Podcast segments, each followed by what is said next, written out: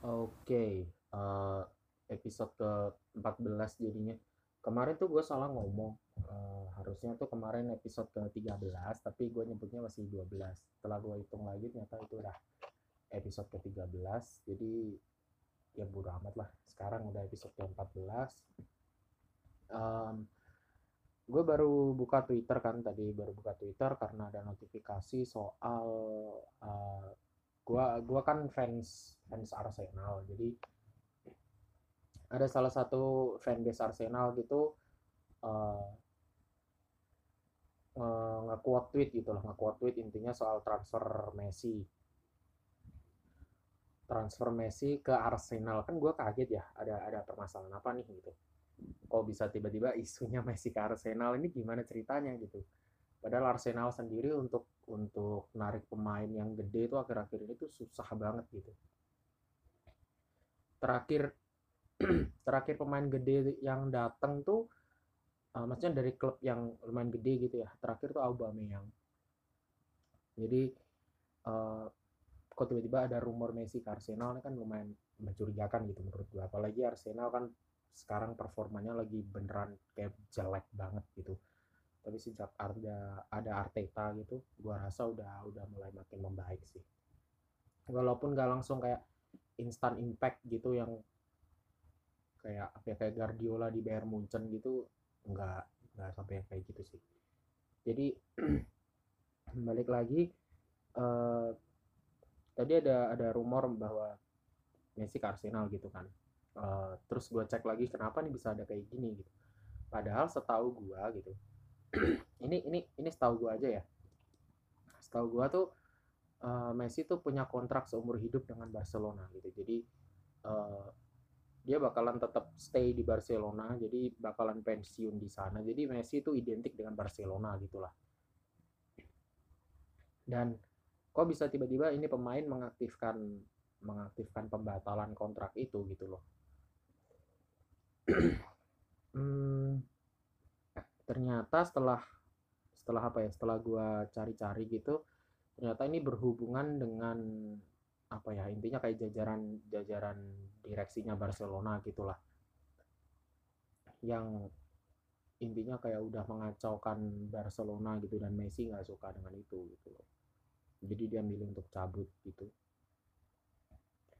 Tapi ya menurut gue sih uh, itu tuh bisa sangat terjadi gitu mengingat Barcelona tuh eh, sekarang tuh lagi menurut gua ya se sepanjang yang gua gua tahu gitu sepanjang yang gua tahu Barcelona tuh kayak ini tuh bener kayak bener bukan Barcelona gitu loh. Kayak mereka narik pemain tuh kayak dulu tuh Barcelona tuh bisa narik pemain gede-gede gitu loh. Pemain-pemain yang punya potensi dan uh, lagi dalam puncak karir gitu terus ketika masuk bursa transfer uh, dan Barcelona udah ngincer gitu kayak besar kemungkinan pemain itu bisa pindah ke Barcelona gitu loh. Apalagi waktu itu akademi Barcelona La Masia itu beneran menghasilkan bakat-bakat yang wow banget gitu. Kayak Deco terus eh Deco iya bukan ya? Setahu gue sih tapi uh, Puyol gitu ya. Puyol Iniesta Xavi itu beneran kayak ikonik banget lah buat buat Barcelona gitu. Um, terus sekarang tuh La Masia jadi udah kayak jarang banget ngeluarin talenta gitu ya. Uh, yang terakhir terakhir banget gua tahu Ansu Fati. Ansu Fati itu yang yang barusan dapat caps gitu yang intinya intinya lumayan bagus lah gitu tapi yang dulu-dulu tuh kayak uh, Munir El Hadadi terus Alan Halilovic. Kayak gitu-gitu tuh uh, nggak jadi gitu. Maksudnya nggak nggak bisa nggak bisa wah gitu. Padahal La Masia tuh terkenal dengan itu gitu. Apalagi ya ya selain Messi ada Puyol Iniesta Xavi tadi kayak uh, akhir-akhir ini Barcelona juga transfernya sih menurut gua kayak agak aneh gitu loh. Kebayang dulu tuh Arsenal punya punya Henry aja bisa bisa kepikiran buat pindah ke Barcelona gitu. Karena se semenarik itu gitu loh project project Barcelona tuh. Fabregas terus nama-nama gede gitu. Yang pindah ke situ tuh Suarez dari Liverpool yang lagi keren-kerennya gitu. Terus Coutinho terus siapa ya? Neymar. Neymar tuh bahkan dulu sempet rebutan sama sama Madrid gitu. Dan akhirnya dia milih buat Barcelona karena ya eh, zaman itu tuh Barcelona tuh bisa menjanjikan menit bermain gitu loh. Jadi kayak teman-teman muda tuh bisa dapat caps bermain gitu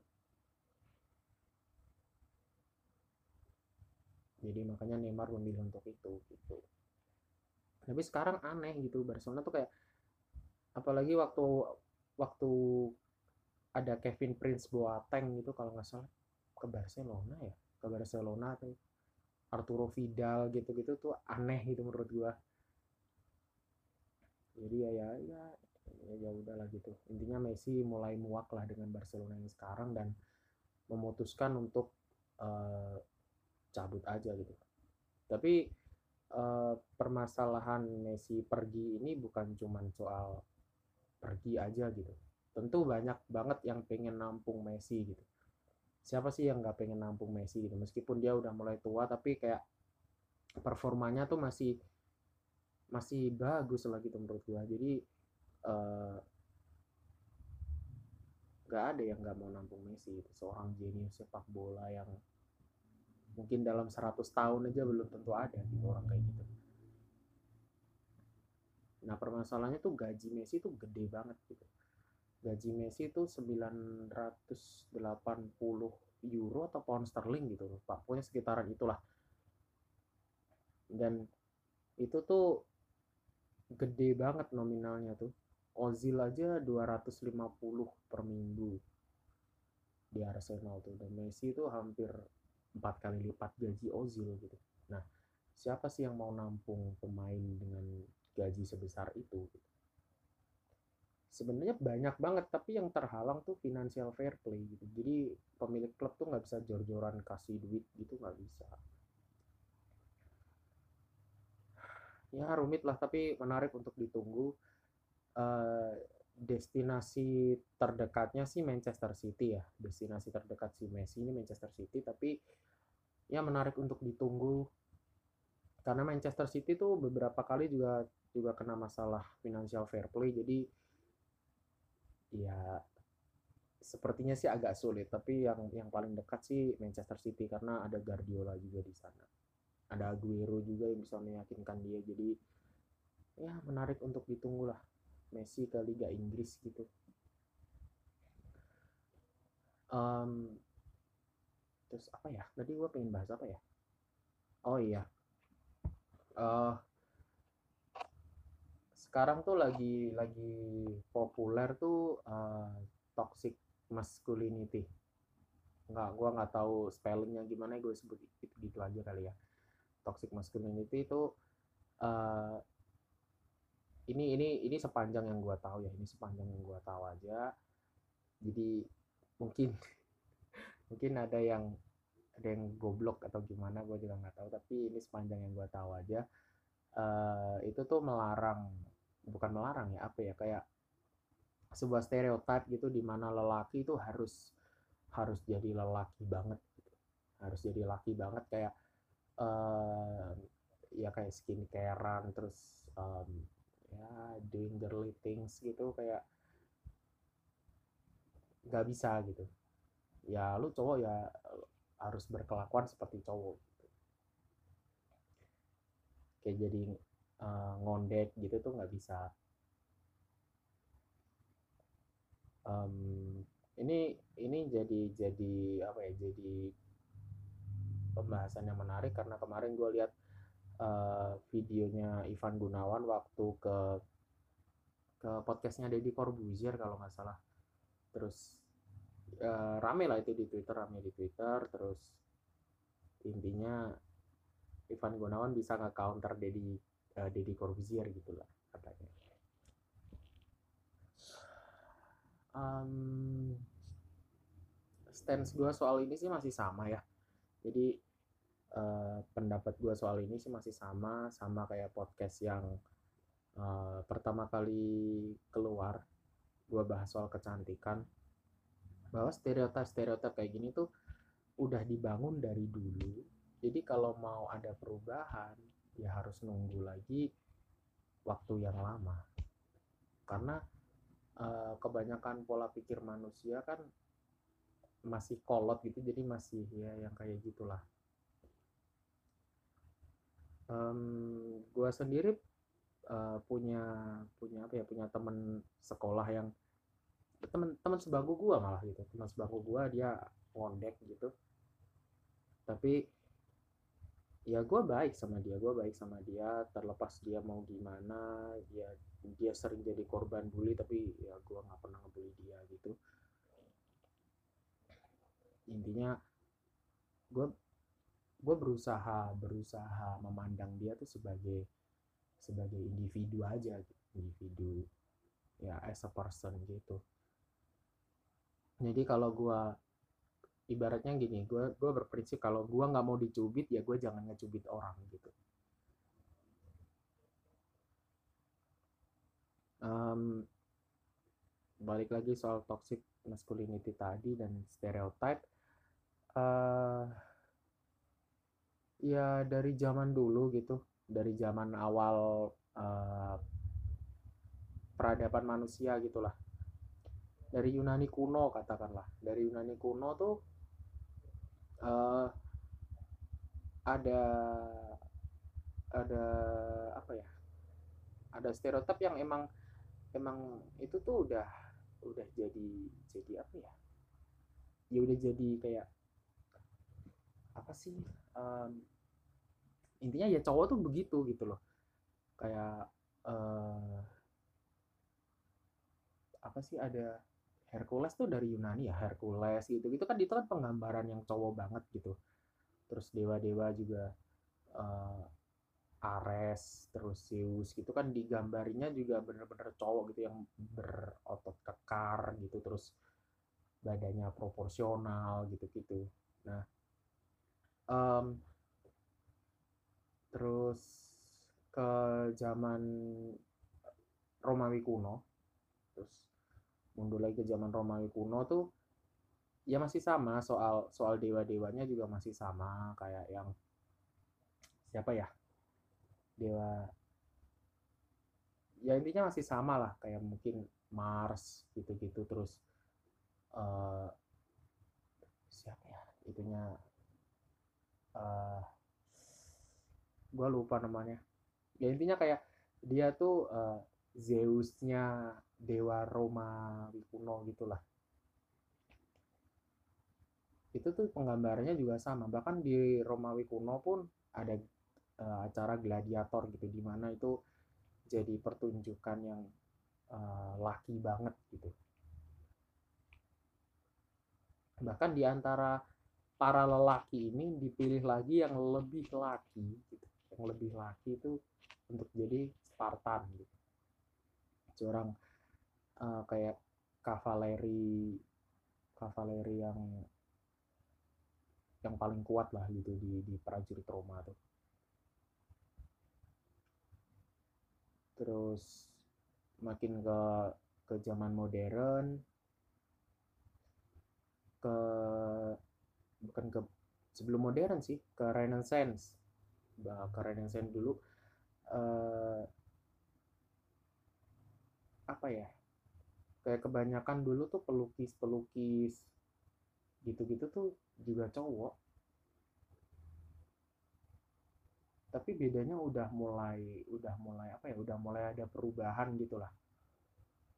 Kayak pria-pria juga udah mulai melakukan pekerjaan yang yang itu tuh itu tuh udah nggak nggak yang mengandalkan otot gitu enggak tapi udah mulai kayak yang dia bisa jadi uh,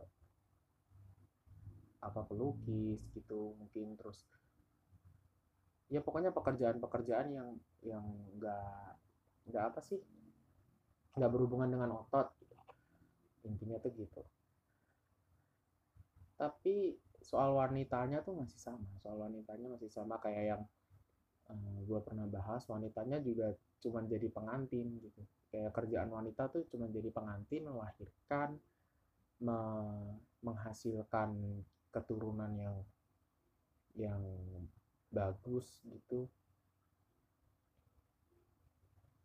Tapi cowoknya melakukan hal yang dianggap sebagai hal yang mulia gitu. Kayak melukis gitu. Cewek-cewek tuh nggak boleh yang kayak gitu. Terus ke era era modern fashion ke zaman perang dunia gitulah. Pria juga masih jadi tentara. Tapi bedanya wanita udah mulai udah mulai masuk sih. Meskipun ada di divisi medis atau segala macam tapi uh, mostly itu masih didominasi oleh para pria ini gitu dan uh, fashion fashion era-era itu tuh kayak film kayak di film apa ya Sherlock Holmes gitu-gitu juga apa ya fashionnya tuh kan cowok banget gitu. Fashionnya yang cowok banget jadi jadi dia pakai jas terus pakai pantofel terus pakai apa sih topi yang itu tuh yang bulat itu. Gua nggak tahu namanya apa. Dan ketika sampai di 2020 terus ada ada ya penggambaran penggambaran cowok dari dulu tuh kan udah kayak gitu ya. Terus ketika sampai di 2020 ada kayak cowok yang pakai uh, jaket pink mungkin atau baju pink terus ada yang skincarean ada yang um, apa ya yang ngondek tadi gitu. Jadi kayak kayak akhirnya toxic masculinity ini hadir gitu sebagai bentuk apa ya um, penyampaian gagasan atau gimana ya. Pokoknya intinya ya akhirnya itu itu itu keluar gitu. Itu keluar toxic masculinity-nya keluar karena ya menurut gua cowok tuh gak kayak gini bro gitu. Cowok tuh kayak gini loh. Cowok tuh harus kayaknya kayak gini. Ketika uh, lu sedih lu nggak boleh nangis. Ketika lu suka dengan K-pop gitu jadi agak aneh gitu. Lu nonton drama Korea ngapain lu nonton drama Korea? Kayak cewek aja lu gitu. Ya padahal uh, kalau menganut sekarang ada ide soal gender equality ya itu seharusnya bisa bisa dimaklumi gitu karena sekarang kalau penyampaian gender equality itu ya kita melihat melihat manusia sebagai sebagai manusia. Ya gimana ya? Sebagai ya sebagai manusia tanpa tanpa harus harus memandang gendernya dulu gitulah.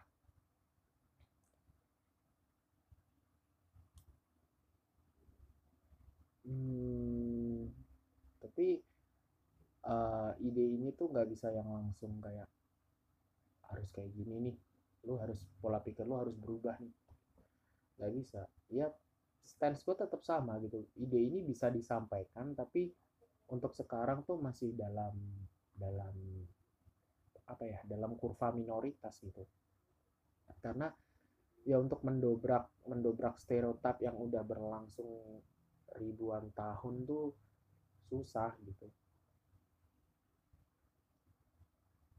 susah banget.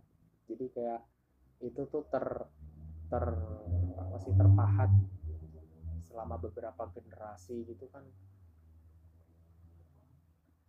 Jadi susah gitu. Apalagi ketika um, uh, apa ya let's say misal gitu dari dari generasi uh, ketika ada uh, ada lu nangis nih. Misal jatuh gitu atau apa gitu. Terus mungkin ada orang-orang tua yang bilang kamu cowok kok nangisan sih kayak gini-gini gitu. Kamu cowok loh kamu cowok nggak boleh nangis. Itu juga itu juga bagian dari toxic masculinity sebenarnya. Tapi uh, ya itu tadi karena orang-orang tua ini juga belum paham soal hal itu dan itu perlu dikampanyekan gitu. Ketika ketika ada sebuah ide atau gagasan gitu yang dirasa perlu banyak uh, apa ya perlu perlu pendobrakan stereotip gitu ya emang perlu dikampanyekan terus menerus tapi hasilnya tuh nggak bisa instan. Jadi ya mungkin mulai diturunkan dari generasi ke generasi gitu. Jadi kayak misal kalau kita kalau kita nanti punya anak gitu ya mulai dikurang-kurangin hal kayak gitu atau apa gitu jadi nanti anak kita juga paham gitu. Lebih lebih apa ya lebih lebih gampang gitu menurut gua. Kalau misal uh, lagi senggang gitu terus ngobrol gitu misal sama anak lu gitu lu bisa ngasih alasan kenapa sih dulu uh, dulu ayah atau ibu gitu nggak pernah ngelarang kamu nangis mau kamu jatuh dari sepeda kamu nangis uh, ayah nggak pernah marahin kamu waktu kamu nangis atau apa gitu. Ya karena ayah merasa kamu juga cowok kamu kamu pria kamu manusia kamu juga butuh nangis. Mungkin bisa bisa lebih masuk akal gitu dijelasinnya kalau kayak gitu tuh. Dan yang jelas uh, apa ya itu tuh bisa punya efek ke si anak.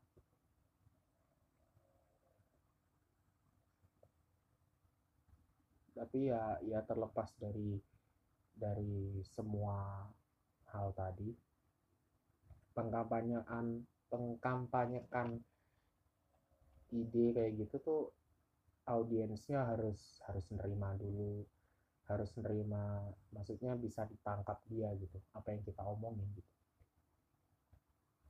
kayak eh, bahasa-bahasa yang digunakan tuh emang harusnya bahasa yang yang apa ya yang bisa ditangkap oleh audiens gitu. Jadi jangan pakai bahasa yang yang terlalu gimana gitu. Jadi disesuaikan sama audiens ketika lu berbicara di depan orang yang yang ngerti soal ekonomi gitu katakanlah. Ya pakai istilah-istilah ekonomi nggak apa-apa. Tapi ketika lu berbicara di depan. Di depan tetangga lu yang buka warung gitu ngomongin soal ekonomi ya jangan jangan pakai istilah-istilah ekonomi gitu. Pakai yang biasa aja gitu. Disesuaikan dengan tingkat pendidikan disesuaikan dengan kulturnya juga kehidupan sehari-hari. Jadi ide-ide itu nanti bakalan lebih gampang diserap gitu. Dan terlepas dari setuju atau tidaknya orang ya. Tapi ide itu bakalan bakalan bisa diserap gitu.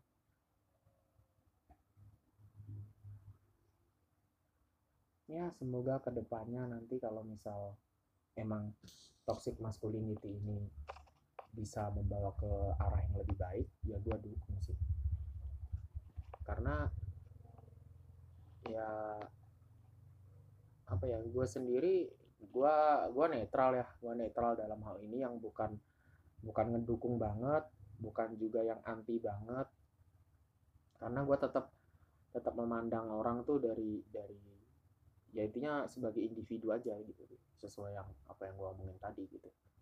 Mau dia ngondek mau dia kayak gimana selama lu nggak gangguin gue gue juga juga baik ke lu gitu Nah sih itu aja kayaknya yang mau gue bahas. Um, gue pengen ngomongin soal bola juga. Gue akhir-akhir ini jarang ngikutin bola. Tapi apa ya?